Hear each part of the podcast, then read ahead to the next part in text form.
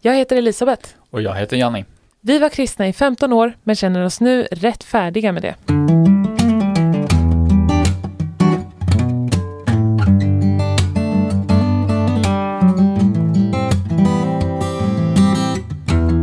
Välkommen till det första avsnittet av vår podcast Rätt färdig. Idag ska vi prata om hur vi blev kristna och hur vi sedan lämnade vår tro. Innan vi börjar den här podcasten så tänkte vi kort bara berätta lite om vilka vi är. Vi är ett gift par. Vi är 28 år gamla och har varit gifta i lite över sex år. Och vi är båda uppvuxna i Stockholm.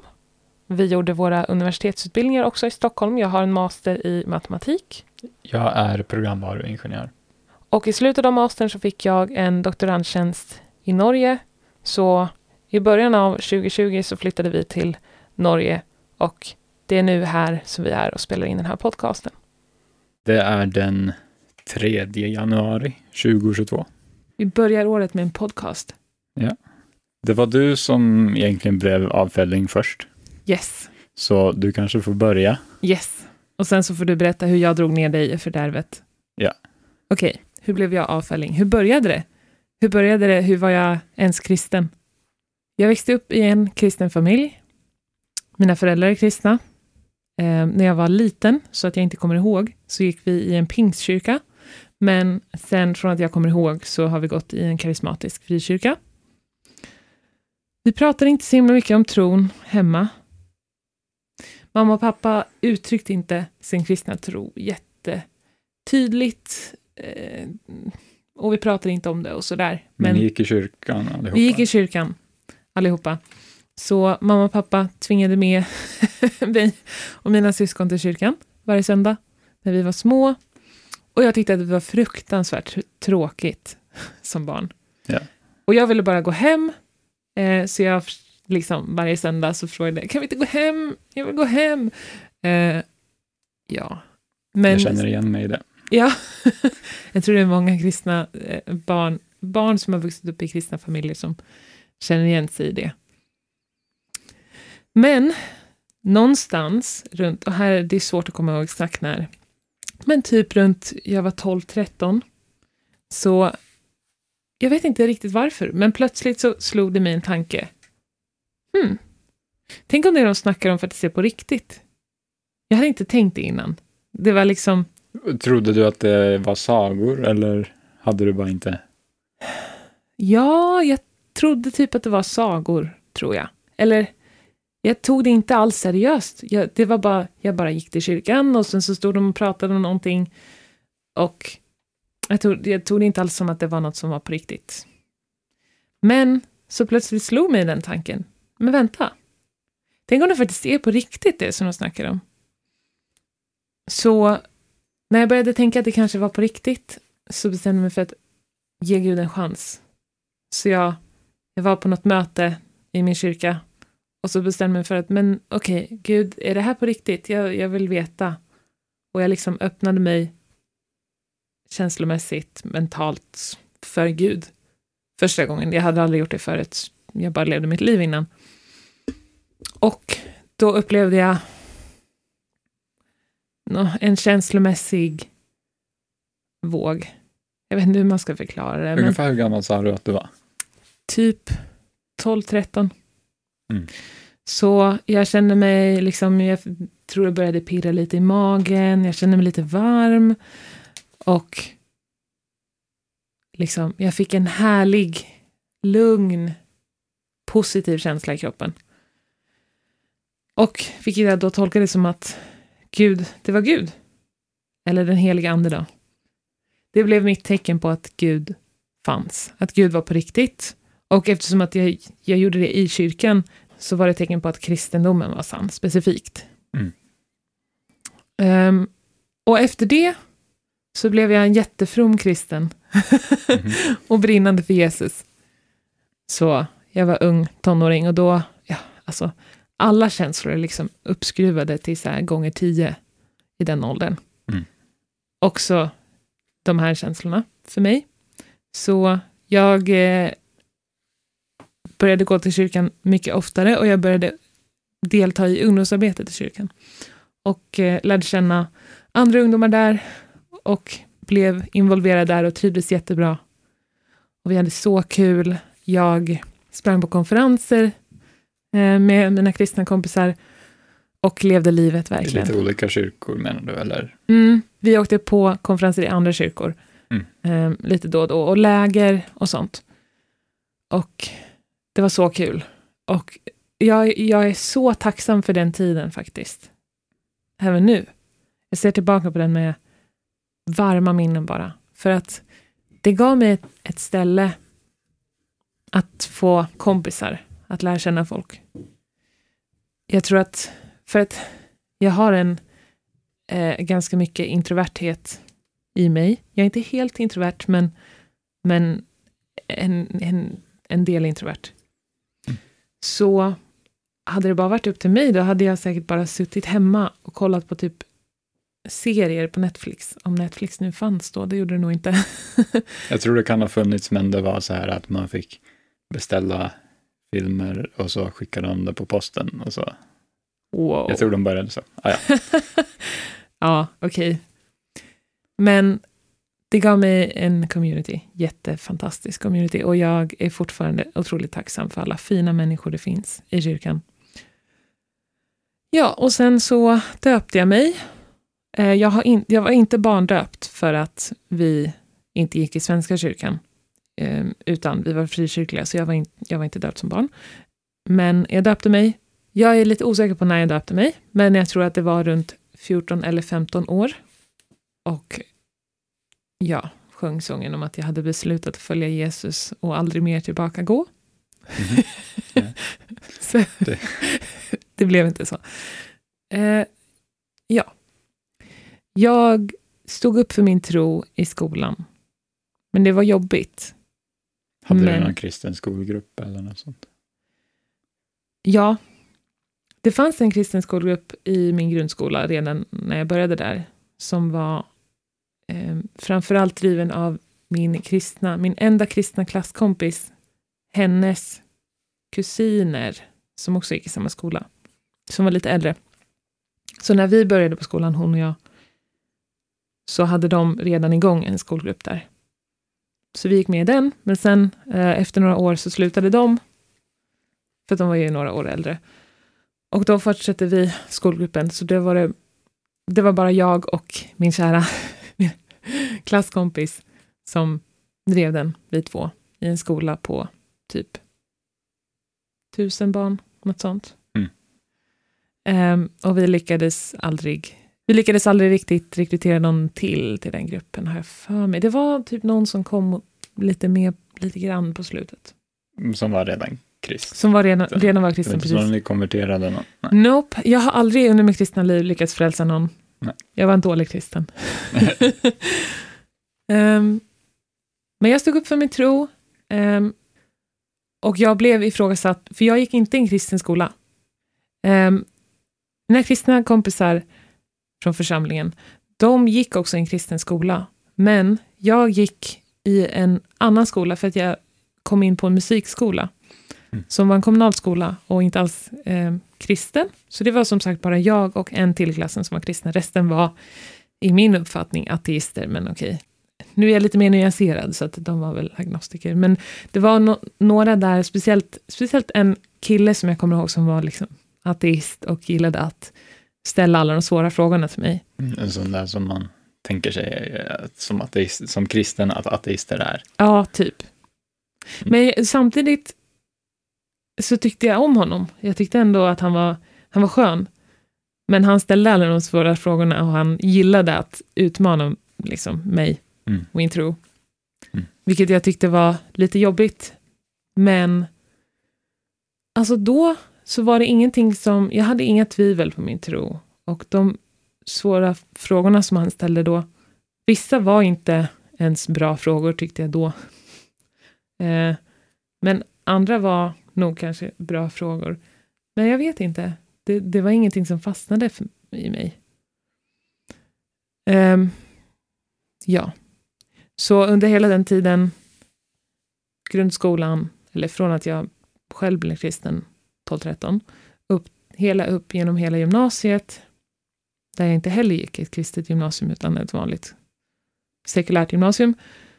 I gymnasiet så var det jag och en till kille som var med i Svenska kyrkan. Mm. Som var kristna. Um, hela den tiden så tvivlade jag inte. In, eller liksom, inte på riktigt. Mm. Um, jag, hade, jag hade lite frågetecken. Men det var ingenting som skakade min tro i grunden. Så att jag skulle ha slutat vara kristen. Efter gymnasiet så gick jag eh, folkhögskola ett år, musiklinje. Det var en kristen folkhögskola. Så där var det inte så mycket motstånd mot min tro. Och alltså det hände inte så mycket med min tro det året, åt varken det ena eller andra hållet. Eh, det enda jag kan säga var att jag fick träffa kristna från olika samfund och insåg, aha, man kan ju faktiskt tänka olika på vissa saker. För jag hade ju bara fått min bild av kristendomen från min kyrka. Så det var, det var ändå intressant och givande tyckte jag att träffa folk från massa olika samfund, höra vad de tänkte om sin tro. Och också, det hjälpte till att inse att min kyrka har inte monopolet på vad som är rätt. Det är inte så att de som går i min typ av kyrka är de enda sanna kristna och alla andra liksom, Mm. är inte sanna kristna. Jag insåg att, aha, även folk som går i sådana här inom citationstecken torra och tråkiga kyrkor är ju faktiskt också kristna och de tror faktiskt på Jesus så, så som jag gör. Mm. Så det var intressant. Efter det så gick jag på bibelskolan i min hemförsamling ett år. Och det var ett bortkastat år. Kanske jag inte ska säga. Ehm, Jo, det, det kan man väl säga. jag gick där Vad var det för typ av bibelskola? Alltså, det var, den är, är, hela den församlingen är väldigt inriktad på själsligt helande. Och den bibelskolan eh, därmed är också väldigt inriktad på själsligt helande.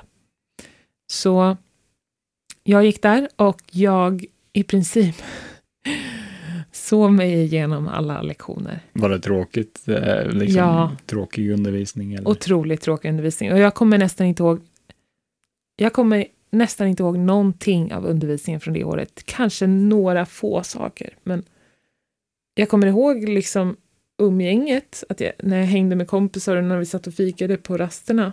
Men jag kommer inte ihåg undervisningen. Nästan någonting. Så då förmodar jag att det inte påverkade din tro så mycket? Eller? Ehm, nej, faktiskt. Det bibelskoleåret påverkade inte min tro åt varken ena eller andra hållet. Det fortsatte vara som det var. Det som var roligast var väl att jag spe, att spela musik tillsammans med eh, några andra som gick bibelskolan där. Så Mm. vi hade ett litet gäng så vi spelade tillsammans ibland. Det var kul. Och du spelar? Jag spelar piano primärt. Det har jag fått lektioner i sedan jag var liten. Och jag sjunger. Och sen så är jag självlärd på gitarr också. Efter det så började jag på universitetet. Och eh, en bit in, jag tror sista året på min eh, kandidatutbildning i matematik, så började jag jobba som övningsledare på universitetet. Och då hade vi ett kontor alla vi övningsledare, så vi kunde sitta där och jobba och plugga. Så jag brukade hänga där. Och då lärde jag känna de andra övningsledarna som gick, eh, vi gick på olika år på matematik där. Och då så lärde jag känna en kollega och blev bra vän med en kollega som är homosexuell. Och det är inte den första vännen jag haft som är homosexuell, för att en av mina äldsta barndomsvänner är homosexuell. Och synen på homosexualitet inom kyrkan hade alltid varit, det har alltid varit ett problem för mig. För att jag har inte kunnat förstå varför det skulle vara fel. För att till exempel att mörda och stjäla, som det står i de tio budorden, är fel. Det förstår man, för att det skadar någon person. Men homosexualitet mellan två eh, vuxna som vill vara tillsammans och som älskar varandra, det skadar inte någon. Så jag har inte kunnat förstå det ur den aspekten. Och det har inte heller känts fel i mitt samvete. Liksom. Min intuition, min moraliska intuition har inte sagt att det är fel. Men det står ju att det är fel i Bibeln. Så mitt sätt att hantera det var att jag inte hanterade det. jag helt enkelt bestämde mig för att okej, okay, jag låter det här vara mellan var person och Gud. Så om det är någon som är homosexuell, då får de helt enkelt snacka med Gud, mm. se vad han säger. Uh, och jag tänker inte säga varken bu eller bä, för att jag är inte själv homosexuell. Så då kunde jag ignorera det, för att jag behövde inte ta tag i det. Men jag lärde känna den här kollegan då, som var homosexuell och blev bra vän med honom. Och då kom det liksom upp på tapeten igen. Mm. Frågan om homosexualiteten hade legat begraven eh, i många år. Och då började jag tänka på det igen. Och samtidigt så lärde jag också känna en annan kollega som är ateist och som gillar att diskutera och ifrågasätta tro. Men på, ändå på ett bra sätt. Eh, så vi, när han fick veta att jag var kristen, så började han ställa frågor till mig om min tro. Men det var liksom inte på ett eh, antagonistiskt sätt. Nej. Utan vi hade faktiskt väldigt intressanta diskussioner där det kändes som att båda lyssnade på varandra. Det är då som diskussionerna är intressanta. Mm. Det, varken han eller jag försökte bara att övertyga den andra om våra åsikter, utan han ställde genuina frågor. Ja, men hur tänker du om det här? Och jag svarade så gott jag kunde, och sen frågade tillbaka, ja, men hur tänker du om det här då? Så det var en väldigt positiv upplevelse. Um, det var ingenting i våra diskussioner där som jag inte hade tänkt på förut, eller som jag inte redan hade fått frågan eller hört förut. Så det var inget nytt så. Och jag känner inte heller att det sådde några tvivel direkt i mig då. Men jag tror kanske att det var kombinationen lite av de två sakerna. Jag vet inte. Du började tänka mer på de här frågorna, eller? Ja. Det var även en annan person som jag diskuterade lite om Gud med. Också en annan kollega. Och jag började också som i samma veva att kolla på folk med andra åsikter än mig på Youtube. Och jag vet inte riktigt vad som var först av de två. Mm. Um, så jag började kolla på en ateist, jag började kolla på en progressiv kristen, jag började kolla på en, eller jag hade kollat länge på en kristen tjej som hade många övernaturliga upplevelser av andevärlden och sånt. Uh, hon såg saker, vilket jag tyckte var väldigt intressant. Hon dock um, slutade vara kristen och nu mera identifierar sig som Wicca, tror jag. Väldigt mm. intressant. Så liksom, jag, jag vet inte riktigt varför jag, hur jag kom in på det, men jag började lyssna på andra som tyckte andra saker än mig på YouTube. Det är väl algoritmen. när du börjat se en sån video så börjar den ge dig en massa. Ja, kanske. Massa jag började också kolla på en YouTube-kanal som heter Genetically Modified Skeptic. Mm. Och han är en före detta kristen eh, amerikansk evangelisk fundamentalistisk kristen och numera ateist. Och hans, jag kunde kolla på hans videos för att de var inte bara nedvärderade till kristna som att kristna är dumma i huvudet eller religiösa överhuvudtaget är dumma i huvudet eller så. För att han själv hade varit där, så han visste hur, hur man tänker, hur man hamnar där. Så han, hans video var liksom fulla med förståelse, och medkänsla och kärlek där han bara försökte förklara olika saker som har att göra med tro. Han pratade lite om andra saker också, men primärt religion. Och det var väldigt givande. Ja, och så bara fortsatte jag att lyssna mer och mer på andra åsikter och till slut så kom jag till en punkt där jag tänkte att jag måste applicera samma krav på bevis i min kristna tro som jag gör i alla andra delar av mitt liv. Annars så är jag ju inte konsekvent. Och dessutom så vill jag ju veta ifall min kristna tro är sann eller inte, för jag vill ju inte gå runt och liksom basera hela mitt liv och min, till stor del min identitet på någonting som inte är sant. Jag vill ju veta ifall det inte är sant. Mm. Det, då kommer det göra ont, men jag vill hellre veta det. Ja. Så, då kom jag till en punkt där jag bestämde mig för att okej, okay, jag börjar från ett neutralt perspektiv. Varken att kristendomen är sann eller att den är falsk. och helt enkelt börjar utforska därifrån och ser ifall den håller när man börjar från ruta noll. För att om den är sann så bör den ju hålla. Exakt, och jag trodde att den skulle göra det. Jag gick in i det här helt övertygad om att jag skulle komma ut på andra sidan som med en mycket starkare tro för att det skulle hålla när jag kollar på det eh, objektivt. Och som sagt, det är en win-win situation för att om jag går in i det och kollar på det kritiskt och kommer fram till att det faktiskt håller, då kommer jag ut på andra sidan med en superstark kristen tro och jag kommer aldrig behöva tvivla igen. Liksom. Om jag kommer fram till att det inte håller, ja men då har jag ju upptäckt att det inte var sant. Då vill jag ju inte tro på det när det inte är sant. Då vill jag veta det. Och då kan jag gå vidare med mitt liv och göra annat. Mm. Så det finns inget att förlora på det. Mm. Tänkte jag. Eh, ja, för mig så den kristna tron stod och föll med Jesus. Den historiska Jesus menar du? Eller? Ja, precis.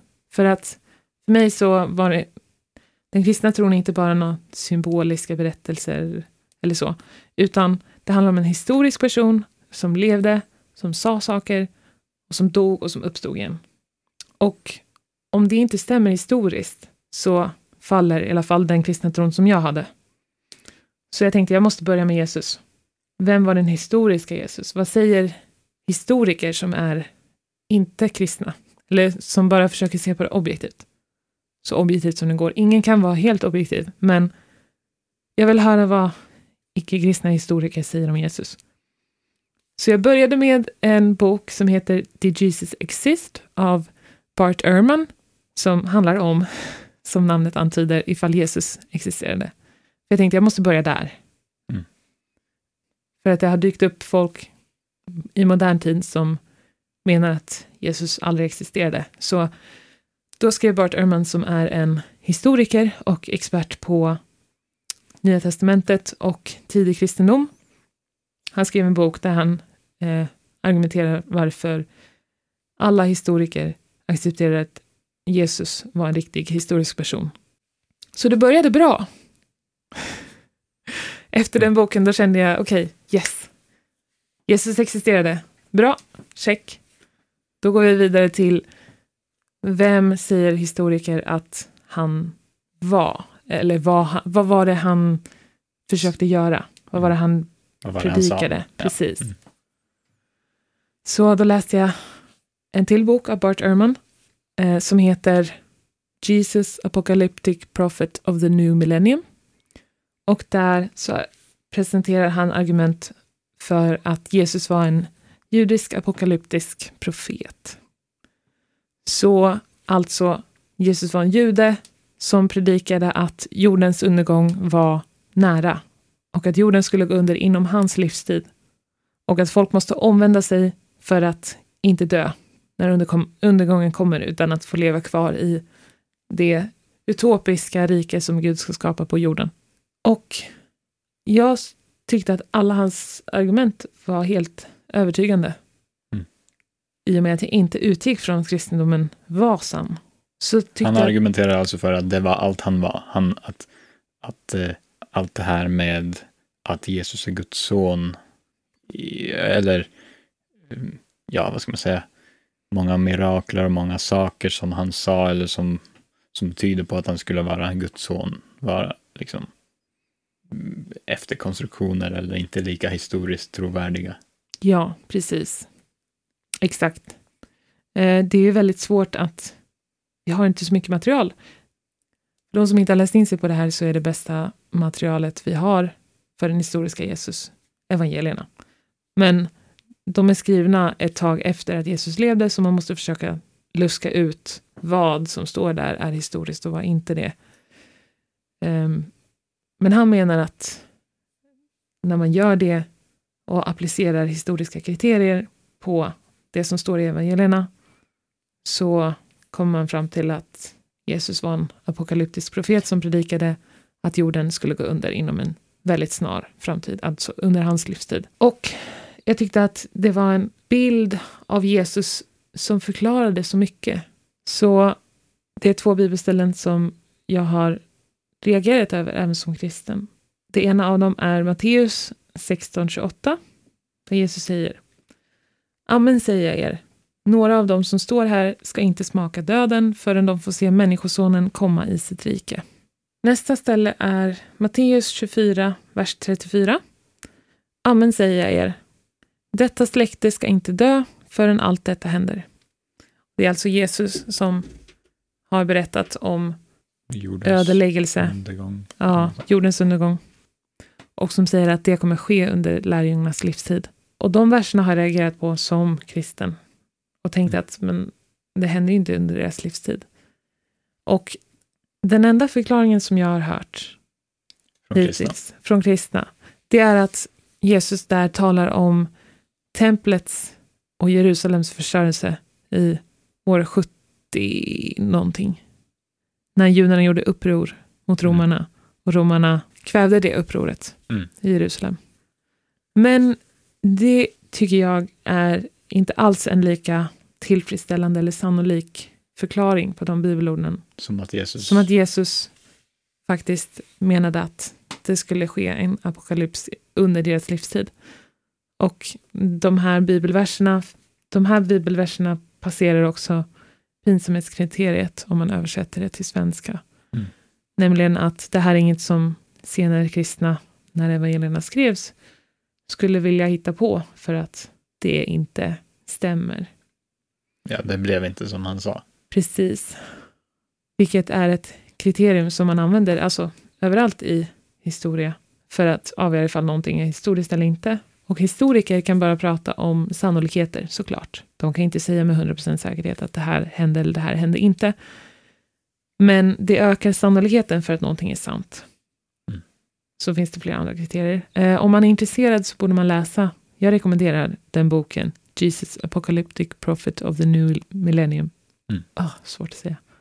Ja, men så den boken, den gör ju då en, sannoliksmässig eh, vad ska man säga, värdering av vem Jesus var och vem han, sannolik, vem han sannolikt var och vem han sannolikt inte var. Precis.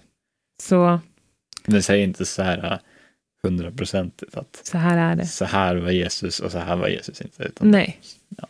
Utan han argumenterar bara att för att de här olika sakerna pekar på att Jesus sannolikt var så här. Och jag tycker att Bart Ehrmans bild i den boken av Jesus, den är så komplett och förklarar så många saker som de kristna svaren, eller den kristna bilden av Jesus, tycker jag det är mycket mer ad hoc svar på alla de här sakerna. Till exempel att Jesus där skulle prata om templets förstörelse av romarna. Så jag köpte den bilden och jag tycker fortfarande att det är en väldigt eh, sannolik bild av Jesus och det är den som jag, den bilden som jag har av Jesus just nu. Men det finns andra historiker som har andra bilder av Jesus.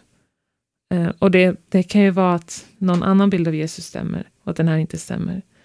Men oavsett så är den mer sannolik än den kristna bilden av Jesus för mig. Vilket betyder att jag behöver inte veta exakt hur den historiska Jesus var. Men jag vet bara att jag har en version av den historiska Jesus som är mer sannolik än den kristna versionen. Så när jag hade smält det här ett tag, internt, så till slut kom jag fram till att jag är nog inte kristen längre. För att för att vara kristen så måste man tro att Jesus är Guds son. Att Jesus är Gud i del med treenigheten. Men i mitt huvud så verkar det osannolikt att han skulle vara det om han predikade om jordens undergång under sin livstid och det inte hände. Om han verkligen var Gud skulle han verkligen fejla på det. Då skulle han veta. Så på det sättet så kommer jag fram till att jag tror inte att Jesus är Gud. Och det betyder då per definition, per, i alla fall min definition av kristen, att jag inte längre är kristen. När jag till slut hade processat det, så en dag, en kväll, så tog jag mod till mig, satte mig bredvid Janni i soffan och sa Janni, jag tror inte längre att jag är kristen. Och det var fruktansvärt nervöst. För att jag vet ju att du är en vettig människa och att du inte skulle freaka ut.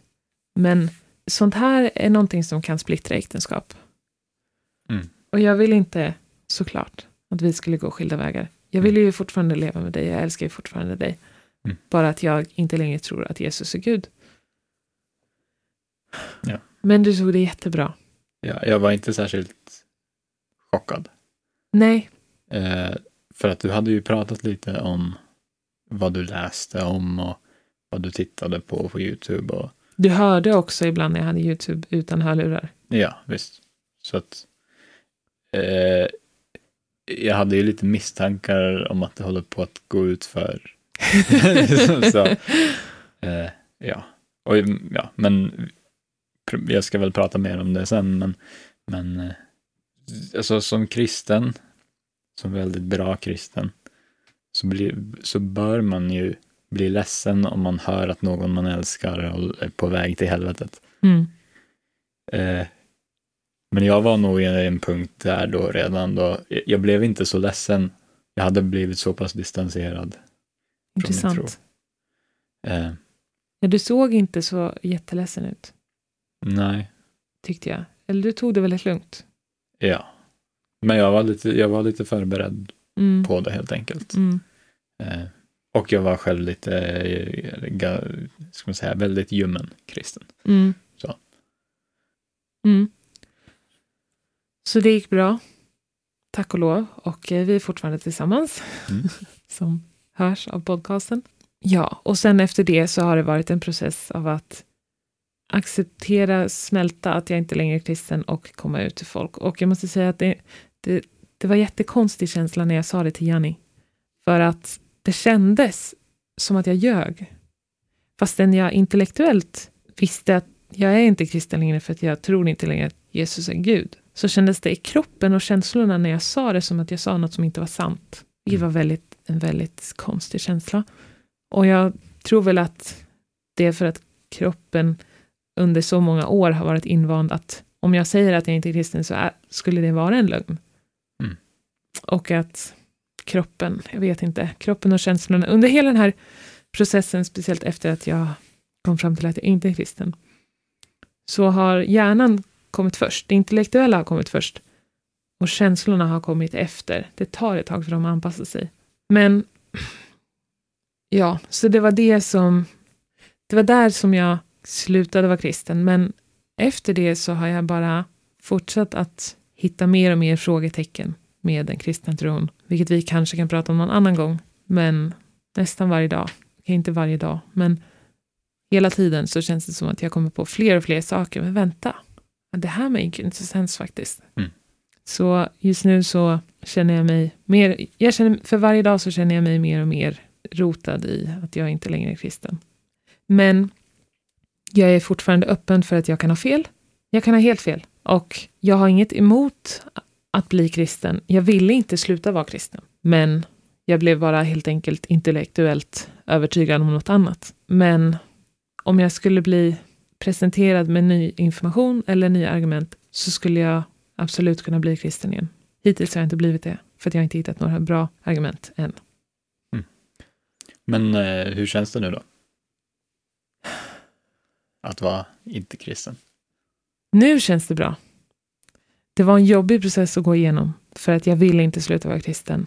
Och det har varit väldigt så här, känslokast hit och dit som du har fått stå ut med. Men, Mhm. eller? Ja, nej, Kanske inte så det mycket. kanske, Det kanske har varit mest, mest inom mig. ja, jag tror kanske det, för jag Ja. minns inte så mycket av Nej, det har nog kanske varit det. Speciellt eftersom att du inte var i den här... Du var fortfarande kristen, så ville inte jag heller säga för mycket, för att jag vill inte påverka dig för mycket. Jag vill att du ska komma fram till dina egna åsikter. Good Men- luck with that. Sant. Men det var en väldigt jobbig process att ändra sin världsbild. Men nu, det, det största grejen för mig är att jag känner mig fri. Jag känner mig fri mentalt. Att jag kan få tänka vad jag vill. Och jag, måste, jag har inte svaren redan och måste passa in argumenten till att passa svaren. Utan jag kan faktiskt helt öppet ställa vilka frågor jag vill. Inga frågor är förbjudna. Och jag kan kolla på argumenten och se vilka argument som jag tycker är bäst. Och liksom acceptera den ståndpunkten. Det är den största grejen för mig. Jag känner mig så fri. Det är så skönt. Jag tänkte att jag var fri som kristen, eller jag kände mig fri mentalt. Men jag visste inte att jag inte var det. Eller nu det är nu när jag inte är kristen som jag har insett att jag var ju faktiskt inte fri. Det, det fanns vissa gränser för vad jag kunde tänka. Nu kan jag tänka vad som helst. Jag kan göra vad jag, vad jag vill. Och jag också, som icke-kristen, så kan jag bestämma vad jag vill göra med mitt liv. Jag kan göra precis... Allt du måste inte försöka öppet. lista ut vad Gud vill att du gör Nej, med ditt liv. Precis. Allt känns så öppet och fritt och det känns som att jag är ett barn i en godisaffär. Och jag har hela livet för mig och jag kan va, göra vad jag vill. Jag kan tänka vad jag vill. Och livet känns spännande plötsligt. På ett sätt som det inte gjorde innan när man hade alla svaren. Nu så finns det massa frågetecken och jag kan bara så här, ge mig på allihopa och se vad som finns där ute. Så känner jag. Och jag mår bra och jag... Nu, nu mår jag bra. Det var jobbigt att gå igenom, men nu känner jag mig ganska ute på andra sidan och jag mår bra och jag känner mig fri. Det känns bra. Ja, bra. Du då? Ja. Jag kommer från en ursprungligen luthersk familj. Um, och um, jag blev döpt som, som bebis. Men liksom, så tidigt som jag kan minnas liksom, så har mamma hon har, hon, blev, hon har gått i andra kyrkor än, än så hon liksom lämnade den lutherska delen av, den, eh, av eh, kristendomen kan man säga. Hon blev pingstvän och, och, och, senare så har hon gått i olika frikyrkor och så. När jag var väldigt liten så eh, tog mamma med mig till kyrkan, eh, pingstkyrkan då, och jag tyckte det var fruktansvärt tråkigt, precis som du. Så Eh, jag var väl tillräckligt jobbig så, så, så jag slapp till slut. Eh, jag fick sitta hemma på söndagarna och, och, och det var trevligt. Eh, och nu kan du göra det igen. ja, precis. Ehm, men när jag var runt 13 år, då, då började jag fundera på liksom, existentiella frågor. Och, och eftersom mina föräldrar var kristna så var det ju naturligt att liksom, ta reda på vad är det de tror egentligen? Eller om, om det som de tror är sant. Eller, liksom, eller liksom, what if? Tänk om det är sant. Samma som jag tänkte. Ja. Eh, Hur tänkte du innan det? Tänkte du att det var bara sagor som de pratade om? Eller liksom? Nej, jag tänkte inte så mycket på det. Nej. Jag fick ju höra alla historier. När man är så liten så vet jag inte om man riktigt förstår skillnad på saga och verklighet. Det finns bara mm. berättelser som man läser i barnbibeln eller i andra böcker. Det, ja. det är inte så stor skillnad på det. Eh, men hade ju fått med mig om att okej, okay, det här tror mina föräldrar faktiskt på. Mm. Eh, så vid runt 13 års ålder så då, då började jag ta det seriöst. Men, men jag litade ju fortfarande på mina föräldrars eh, omdöme eh, och, och liksom övertygelse. Och eh, så insåg jag att om jag inte är kristen så hamnar jag då i helvetet. Om det mina föräldrar tror på är sant. Mm. Eh, så jag, som jag minns det så var det liksom det självbevarelse som, som var liksom början till att jag ville bli kristen. Och jag tror också att jag, jag har nog eh, någon gång i kyrkan vittnat om hur jag blev kristen och sagt det. Aha, intressant. Ja. Eh, att det var liksom självbevarelse. okay. Men det var ingen som... Jag, jag reagerade inte på det då. Det var Nej. ingen som sa någonting, att det var något konstigt med det. Nej. Jag vet inte om det var något konstigt med det. Nej, alltså det är ju logiskt. Om man tror att helvetet finns så vill man ju inte dit. Då väljer man ju att bli frälst. Mm. Ja, så eh, ungefär då, ganska snabbt då, så bestämde jag mig för att döpas igen då som vuxen av egen vilja.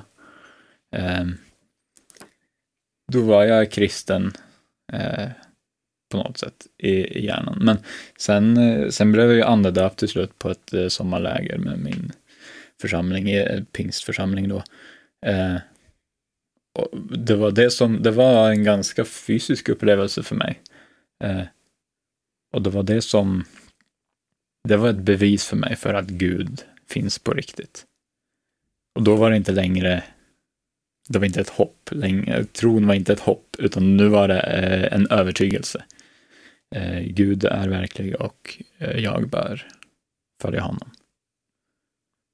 Så efter några år så flyttade jag och min mamma till en eh, annan församling. Eh, en mer karismatisk församling, den som du växte upp i, som Elisabeth växte upp i. Yes. Ehm, och där var det ju, alltså Pingstkyrkan eh, trodde ju på att den heliga ande gör saker idag och det är tungotal. Och det var lite av det här att, alltså ibland vid special occasions eh, så, så kunde någon liksom falla under förbön eller något sånt där. Birthdays, graduations. Nej, förlåt.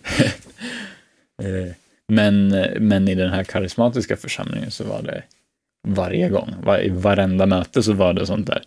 Eh, och det var ju spännande för, för någon som faktiskt tror på att Gud, alltså att Gud är helt verklig och, och gör så. Så det, så det var spännande. Ehm, och eh, min mamma bre, blev helad i, i ryggen. Alltså hon hade ont i ryggen, jag vet inte exakt eh, vad det var för något eh, medicinskt sett eh, som hon hade. Men, men hon blev helad under förbön.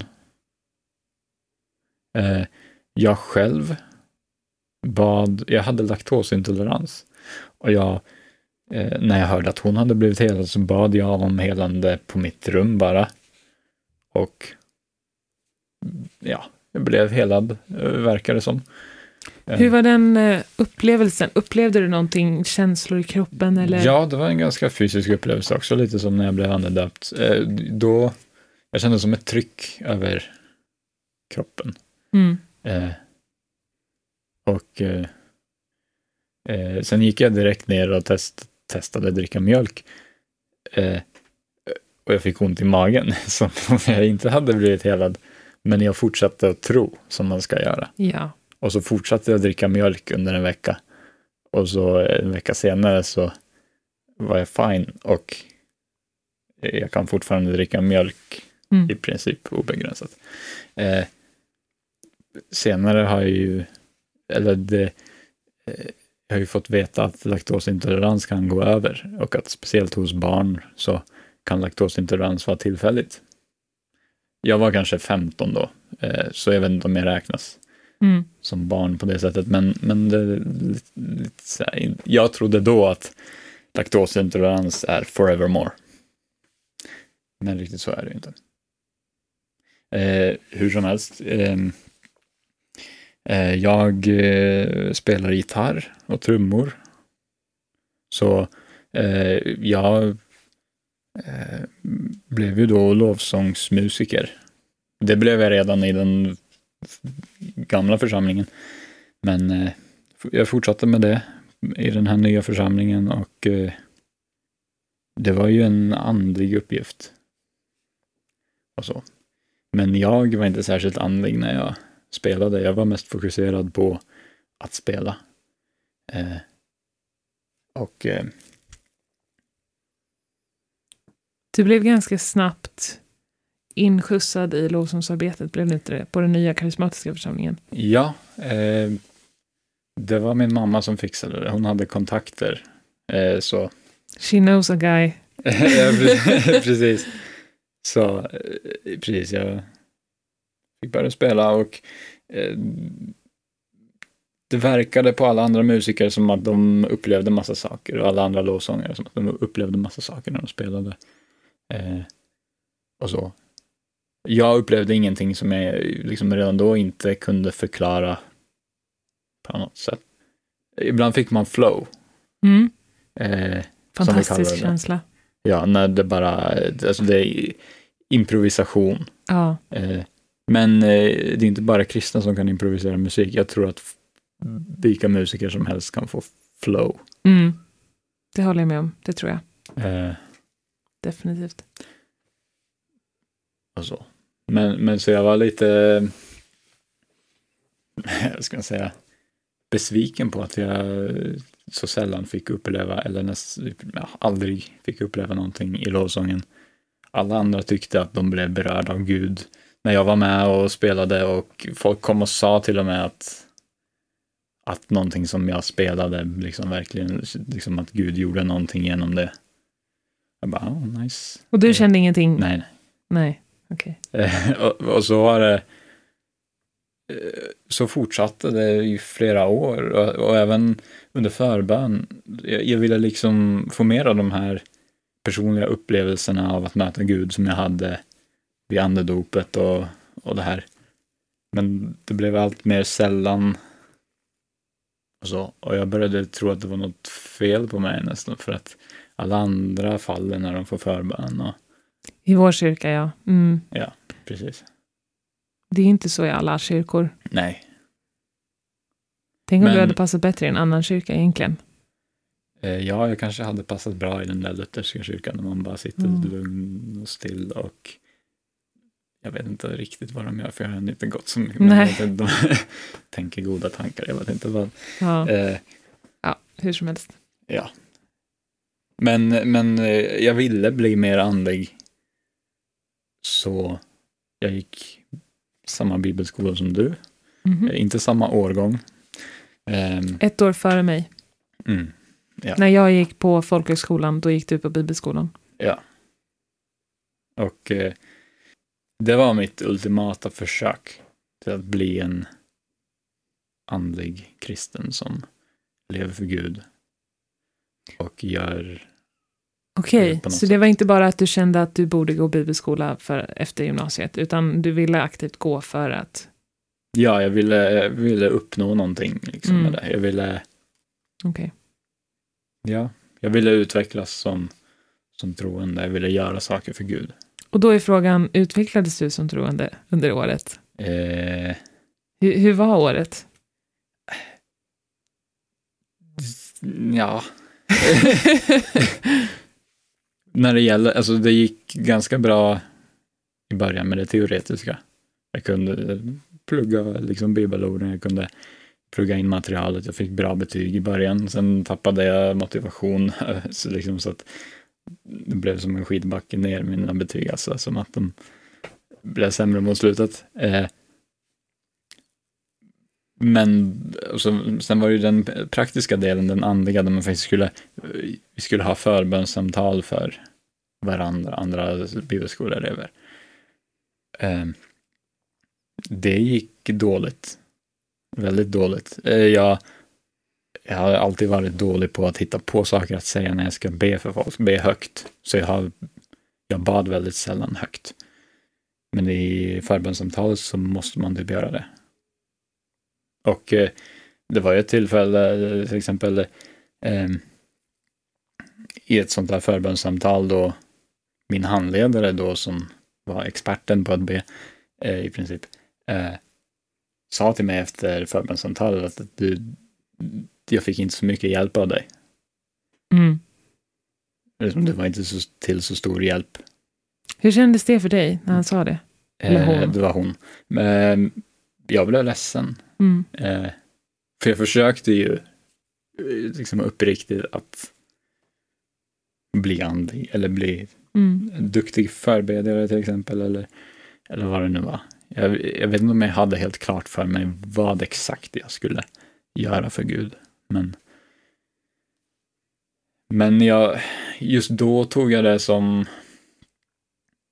alltså en learning experience bara. Alltså, som att eh, förr eller senare kommer jag fatta hur man gör. Mm. Eller något sånt.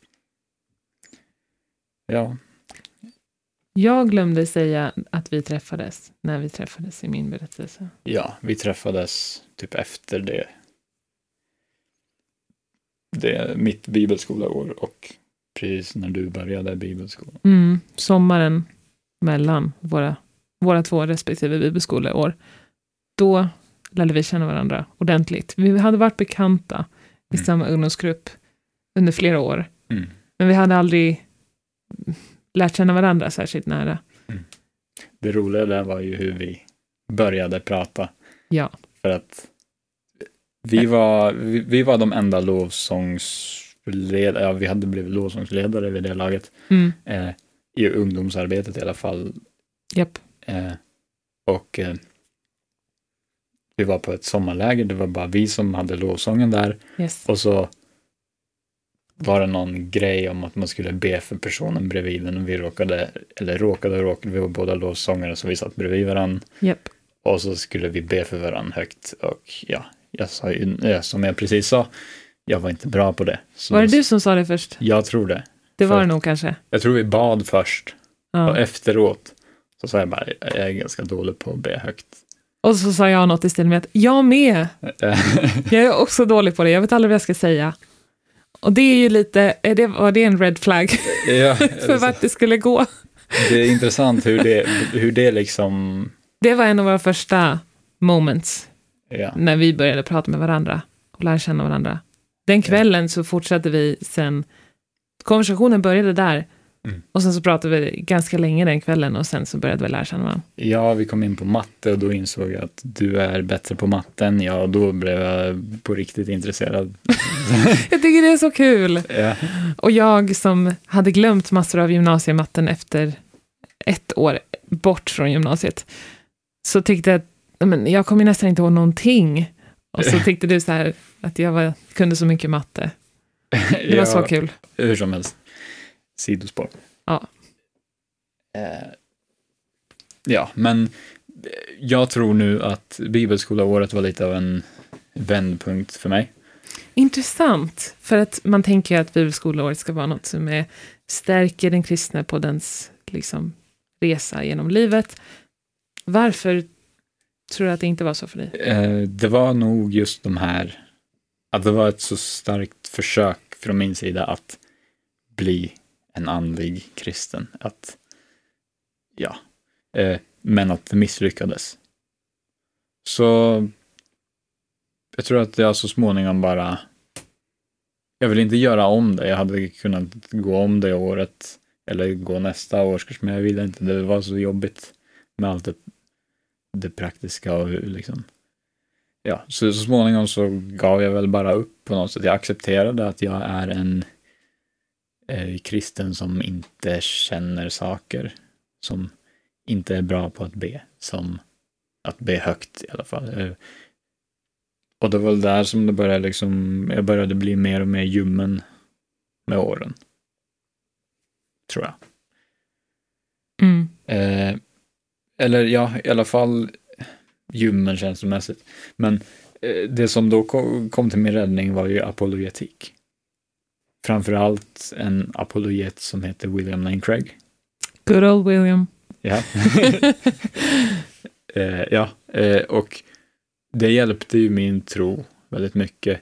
Eh, som de egna upplevelserna av Gud blev allt färre så, så hade han eh, ganska goda logiska argument för varför Gud finns, varför eh, Jesus är, jag har inte så många om Jesus, men liksom att, eh, jo men om Guds existens och så här och då, det tänkt, det upplevde jag var en bra grund kan man säga, eller det hjälpte mig, Mm. jag, att fortsätta vara kristen.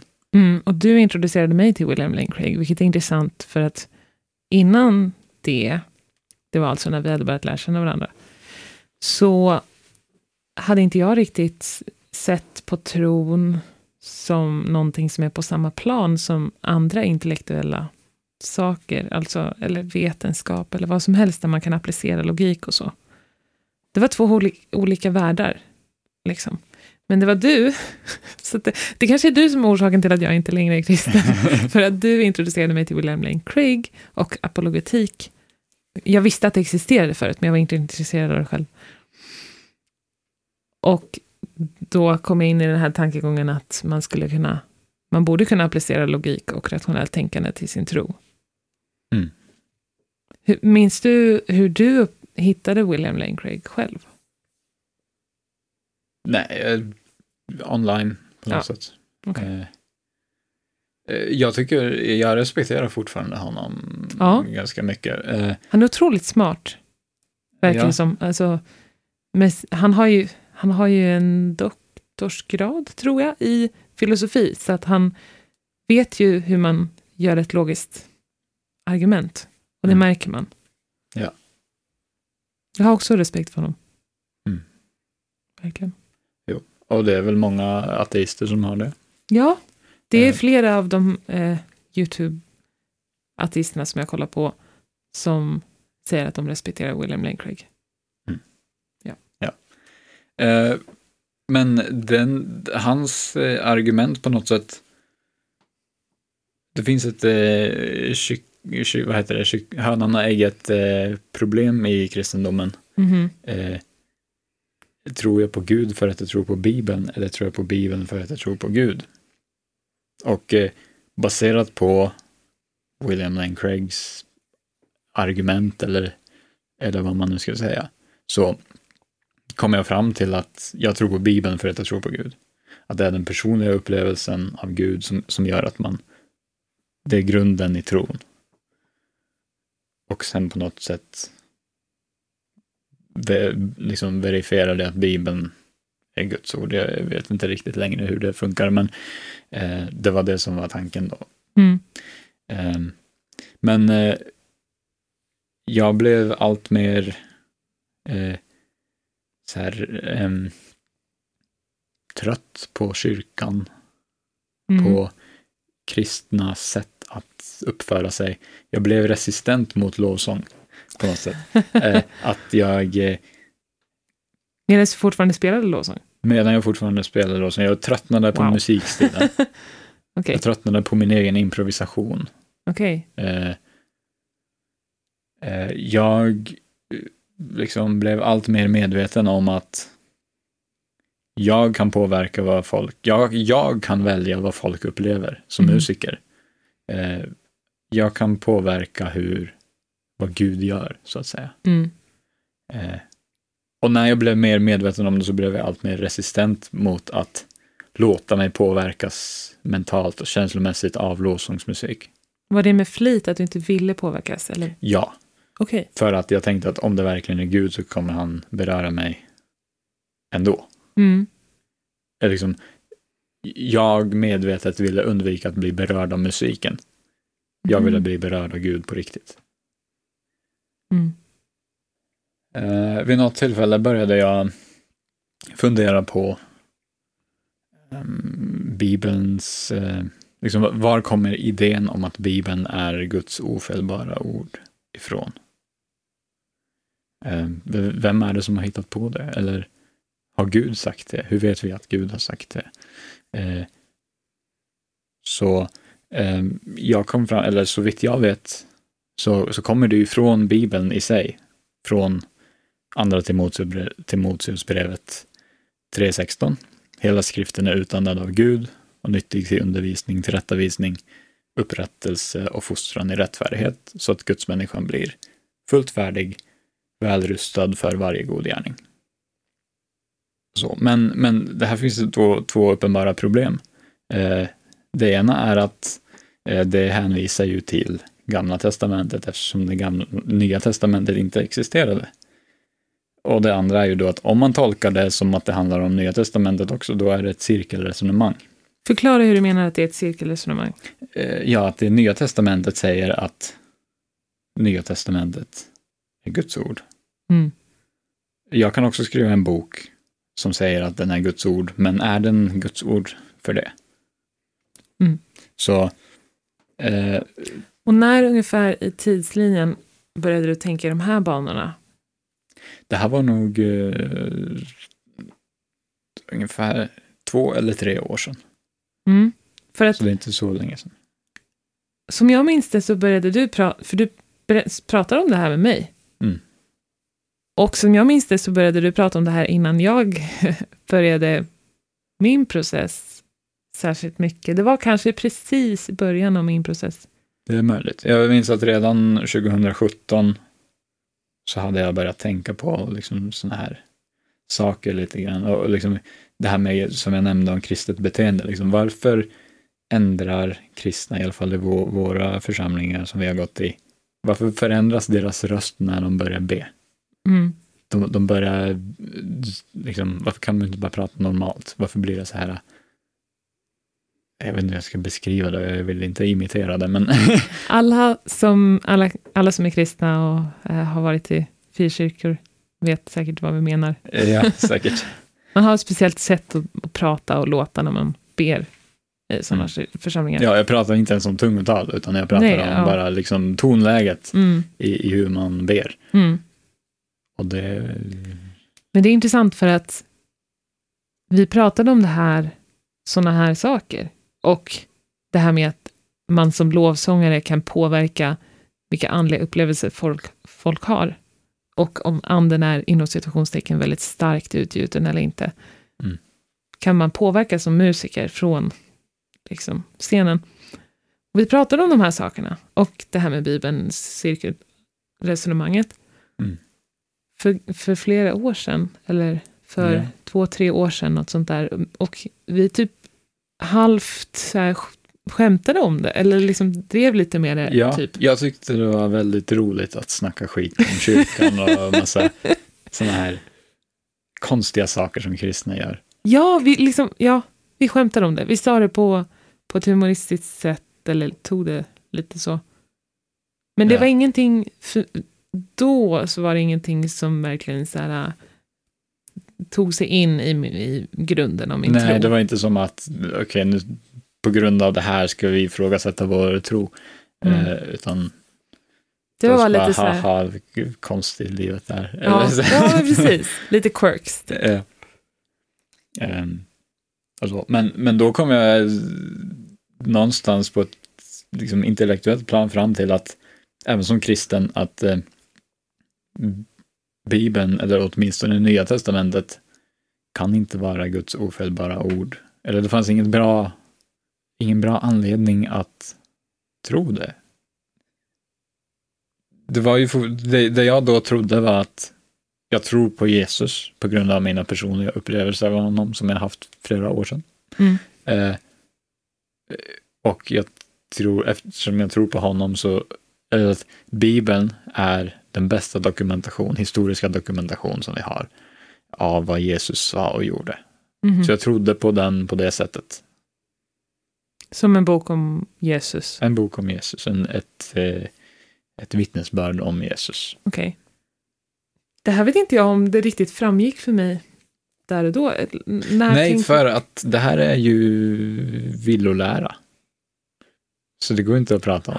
Hädelse. Och jag vill inte, jag, jag vet inte om jag liksom accepterade det känslomässigt att jag tror det här. Jag vet inte om du någonsin sa det så rakt Nej. till mig. Nej, jag vet inte om jag trodde det så rakt själv, men någonstans så, för, så liksom förstod jag att det måste vara så. Mm. Men jag tog inte vidare vad det leder till, liksom. Eh, vad det får för Varför? konsekvenser för tron egentligen. Mm. Eh, jag vet inte, jag... Det, är, det är något som jag tycker är svårt nu efterhand. Att alla gånger som jag fick, jag vet inte, svåra frågor som man måste hantera som kristen. Varför det inte någonsin skakade mig tidigare. Och det kan jag inte riktigt förklara. Det bara rann av liksom. Det fastnade inte. Mm. Och det är kanske något liknande här. Det är svårt att förklara i efterhand varför det inte påverkade dig. Eller varför det inte skakade din tro. Men så då var jag kristen på det sättet länge. Jag blev återigen väldigt ointresserad av kyrkan. Det var tråkigt. Predik, alla lovsånger hördes likadana ut. Texterna hördes likadana. Det gör de fortfarande. Lät likadana. Jag något på norska? Oj. De hördes likadana ut. Ja, Förlåt. nej men det är lugnt. Och eh, Vi kan inte prata svenska längre efter att ha bott i Norge med ja, ett och år. men eh, eh, ja, var var jag? Alla, ja, men du tyckte inte längre, allt tappade sitt, sin, det blev svartvitt eller tråkigt i kyrkan. Ja, just eller? det. Kyrkan Allt blev lät tråkig. likadant. Lo- lovsångerna var tråkiga. Jag ville egentligen inte gå dit. Du försökte dra mig till kyrkan. Ja, det var jag som i princip, bara jag som drev, som var anledningen till att vi kom till kyrkan på söndagarna. Vilket jag tyckte var lite, det blev lite jobbigt efter ett tag. Och jag, jag var lite ledsen över att du inte var intresserad. Mm. Och vilket jag nu i efterhand eh, känner att det måste ju ha varit jobbigt för dig att jag liksom... För att jag försökte få dig att vilja gå till kyrkan? Jag Mm. försökte få mig att vilja gå till alltså, Ja. Jag var ju fortfarande troende. Jag trodde det var liksom att eh, Jesus är Guds son och att eh, jag borde vara en bättre kristen. Mm. Jag borde gå till kyrkan. Eh, så, ja. Vi gick till kyrkan ibland, men det blev inte varje söndag för att alltså, det är ju så skönt att sova sovmorgon på söndagarna. Men eh, vi gick i alla fall kanske varannan söndag till kyrkan. Och det Ja. var i princip jag som drev det. Och jag var med i lovsången också, men du hjälpte Ja. till ändå med... Jag var involverad med, jag gjorde, skrev ett program för att visa låttexter. Jag hade projektorn då. Mm. Eh, och det var trevligt för då hade jag något att tänka på annat än att Mm. bara behöva sitta där och lyssna på mig. Så det var väldigt nice att liksom, fokus, göra någonting eh, praktiskt. Och jag lärde mig massor av att skriva ett helt eget program för att visa låttexter, liksom professionellt. Det kan du tänka så här nu i efterhand, det fick du ut av, av att vara kristen. Ja, ja, jag har fått ut mycket. Jag har fått ut mycket. Ja. Ja, sen eh, blev det en pandemi. Hoppsan. Eh, och eh, då, då kan man inte gå till kyrkan. Jag har varit hel, genom hela pandemin har jag varit ganska så här. Jag har gjort mer än vad myndigheterna har sagt att man ska göra för att undvika smitta. Så Japp. jag slutade gå i kyrkan helt när pandemin började tror jag. Mars Men vi 2020. flyttade också Ja, vi flyttade också. till Norge i princip direkt efter att pandemin kom till Skandinavien. Ja. Eh, vi flyttade från Sverige till Norge, så då hade vi liksom ingen kyrka längre att gå till där vi faktiskt känner folk. Så då hade jag min lilla intellektuella tro som bara låg där och jag gjorde ingenting åt den. Nej, du bad inte och sådär, läste Bibeln. Jag läste inte Bibeln, jag kanske bad lite ibland så, men Men vi bad nästan aldrig tillsammans. Jag Även kan som... nästan aldrig. Vi har gjort det. eh, Vi har kanske, gjort det några gånger. Kanske tio gånger totalt under. Tror du ens att det är så många Jag gånger? vet inte. Jag vet inte, kanske. Men eh, väldigt sällan alltså. Ja. Som vi bad tillsammans. Eller läser Bibeln tillsammans eller någonting sånt där. Mm. Ja. Så vi, ha, Sen- vi hade inte Jesus högst i vårt äktenskap. Som man skulle ha. Nej. Okej, förlåt. Eh, sen sa du att du inte är kristen längre. Okej, det, så, wow. eh, ja, Men det kom ändå inte från ingenstans. nej. Men under den tiden, i och med att det inte kom från ingenstans, du visste att det var lite på väg. Under den tiden då du såg att jag var på väg ut för på, påverkade det dig någonting i hur du tänkte? Nej. Nej, det var bara samma. Det var bara samma. Okej. Eh, Sen kom den ödesdigra dagen. ja, precis. Så, så då blev vi ju intresserade av vad det var som gjorde att du eh, slutade tro. Eh, och det var väl den här uh, Bart Ehrman-boken, eh, bland annat, eller som var viktig För mig var den viktig. Så jag läste den boken för att om kristendomen är sann, då håller den ju. Eh, vad som helst. Japp. Japp. Eh, men eh, den var tillräckligt övertygande för att jag skulle ifrågasätta allt som jag tror om Bibeln. Mm. Jag, hade redan, jag hade ju redan accepterat att den inte är Guds ofelbara ord Men på något sätt. var det för att du hade hittat motsägelser i Bibeln? Nej. Nej. Jag visste väl att det fanns några, men att jag tänkte att äh, det finns svar på dem. Mm. Det finns bra förklaringar för dem, tänkte jag. Mm. Eh, ja, jag har inte bara nödvändigtvis liksom bara accepterat Ermans beskrivning av det hela, men, men eh, den är ganska övertygande. Så ja, det, det var som att öppna, att läsa den boken på något sätt, det var som att öppna Pandoras ask av bara ifrågasättande av allting. Det håller jag med om. Det var det för mig också, till stor del. Ja. Men Och ju mer jag har ifrågasatt olika saker så, liksom, när man vänder på en sak så blir det som en kedjereaktion som vänder liksom nästa block och så liksom bara Mm. liksom vänder sig en, en sak i taget och sen liksom faller på plats i, och så vips har man en ny världsbild. Ja. And that's how you deconvert. Ja. Ja, Du läste Bert Ehrmans bok. ja det gjorde jag. Jag vet inte om den ensam gjorde eh, saken. Den, den påbörjade processen så att jag väldigt medvetet då började ifrågasätta saker. Mm. Eh, Och andra böcker som jag har läst, som till exempel Sapiens, Mm. A Brief History of Humankind, tror jag den heter. Rekommenderas till alla. Ja. Alla borde läsa den. Jag har hört att, den, eller experter tycker att den, är, den har inaccuracies och så, men Mhm. den i alla fall, för någon som oss, så är den väldigt så här, um, vad ska man säga, Ögonöppnande. ja, Den, den, expanderar världsbilden, ja, skulle jag vilja säga. den ger en komplett förklaring på the human condition. Mm. Eh, och det är som, ja, det är en ganska övertygande förklaring av hur allt hänger samman. Som då hjälper till att ersätta den kristna förklaringen på hur allt hänger samman. Mm. Och så håller jag också på och läser Why Evolution is True, som du också har läst. Eh, för jag har ju faktiskt aldrig satt mig in i vad det är som, varför tror forskare att evolutionsteorin är sann?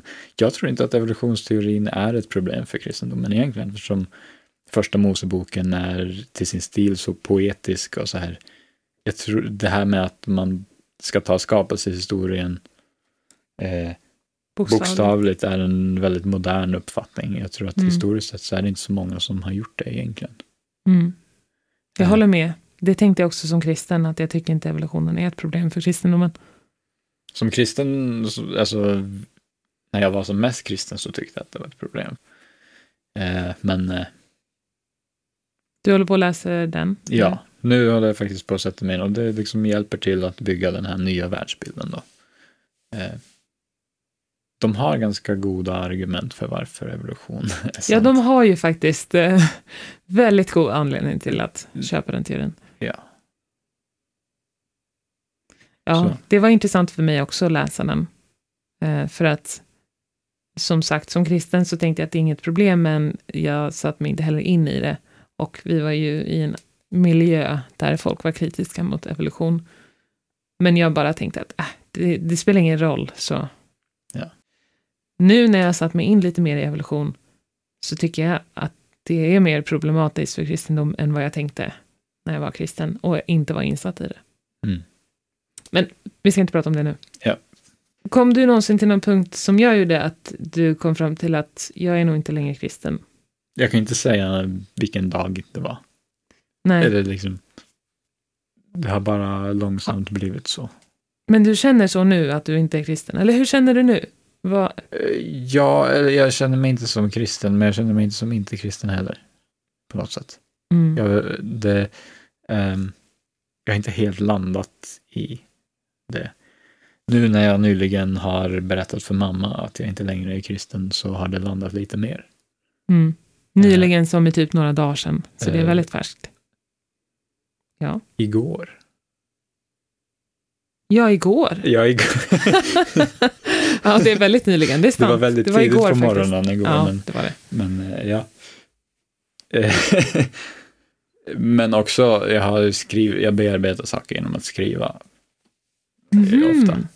Ja, Har du skrivit? Du. Jag har Nej. skrivit lite tankar om, Det visste inte ens jag. Nej. Du är väldigt bra på att skriva. tack. Varsågod.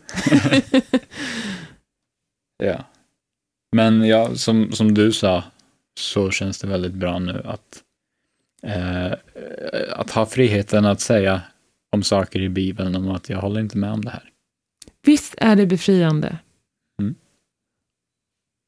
Och något som var väldigt befriande för mig är att jag själv faktiskt kan lyssna på vad mitt samvete säger kring moral. Vad som Mm. är rätt och fel, gott och ont och sånt. Ja, en sak som, som faktiskt, som jag inte hade räknat med, eller som kom lite som en överraskning är det här med synd. Eller som jag aldrig har tänkt på, att eh, okej, i, i kristendomen så Jesus gör en fri från synd. Men det är ju bara de kristna som bryr sig om synd. Alltså, eh, det är ett kristet påhitt. Som, som, in, som icke-kristen så finns inte synd. Och man är så mycket mer fri från den när man inte tror på den. Ja, än när man tror på den och försöker undvika den. Ja. Ja, det är sant. Ja. Huh. Jag känner mig fri från synd. Men du mår bra? Ja. Du känner dig glad? Jag, alltså, mitt mående i- liksom genom hela mitt liv har varit väldigt jämnt. Och Ja, det, du är inte en känslomänniska. Nej, Verkligen inte. kanske därför jag inte Du är så kände Gud så mycket. Ja, men det är det. Alltså, nu som icke-kristen så har vi ju förklaring på varför du inte upplevde så mycket kyrkan. Nämligen du är väldigt känslomässigt stabil och det är bara Ja. som du är. Men den förklaringen hade jag även som kristen. Liksom, Jo. att, eh, folk i kyrkan accepterade ju att, för det mesta tror jag, att vissa känner mer än andra och sånt. Men, Mm. eh, Känner du dig mentalt fri? Känner du igen dig när jag beskriver det? eh, ja. Det här med att du kände dig fri när du var kristen, men nu så är det som att det bästa sättet jag kan beskriva det är som att jag var typ i en glasbur eller någonting, så jag såg inte att det var väggar runt mig. Mm. Nu plötsligt så har jag krossat glaset och insett att det var ju faktiskt väggar där. Mm. Jo, lite grann. Det fanns en Mm. gräns för vad man kunde få tänka. Man kunde liksom grann. inte... Jag tror inte jag känner det lika starkt som du, men, Nej. men eh, Vad är det Mm. största positiva, känner du? Eller den, den tydligaste, största känslan av att inte längre vara kristen? Eller om Mm. det är något negativt? ja, det är väl eh, som jag sa, att, att eh, inte behöva bara acceptera det som står i Bibeln som Guds ord och att försöka hitta förklaringar på det jag inte tycker om. Mm. Och frihet från synden. Ja. Och frihet från pressen att eh, tjäna Gud med mitt liv. Mm. Nu plötsligt, jag har fortfarande inte vant mig vid det, men mitt, meningen med mitt liv just nu är ju att tjäna pengar, spela dataspel och ge pengar till välgörenhet. Och jag har inte vant mig vid att det är en helt okej mening med ett liv att ha. Ja. För att, ja, som kristen är det ju, meningen med livet är ju att lära känna Gud och bli mer lik honom. Mm. Ja, man får inte välja mening. Man får gett en mening. Mm. Och den meningen är dessutom ganska svår att ta på. Mm. När har jag uppnått det här? Eller hur långt har jag kommit med min mening med livet? Svår att mäta. Var det jobbigt för dig att gå igenom ifrågasättande processen? Nej, Det är intressant. jag vet inte varför, men Men det alltså, kanske eftersom- återigen är att du är känslomässigt stabil. Ja, och sen var det ju hela det här med att jag var ut, uttråkad och ljummen kristen när det hela började. Mm. Så att eh, det var spännande att utforska det här. Mm. Det var någonting nytt. Ja. Det kan jag förstå. Jag har känt lite så också ibland. Det är något spännande och nytt. Mm. Men din process...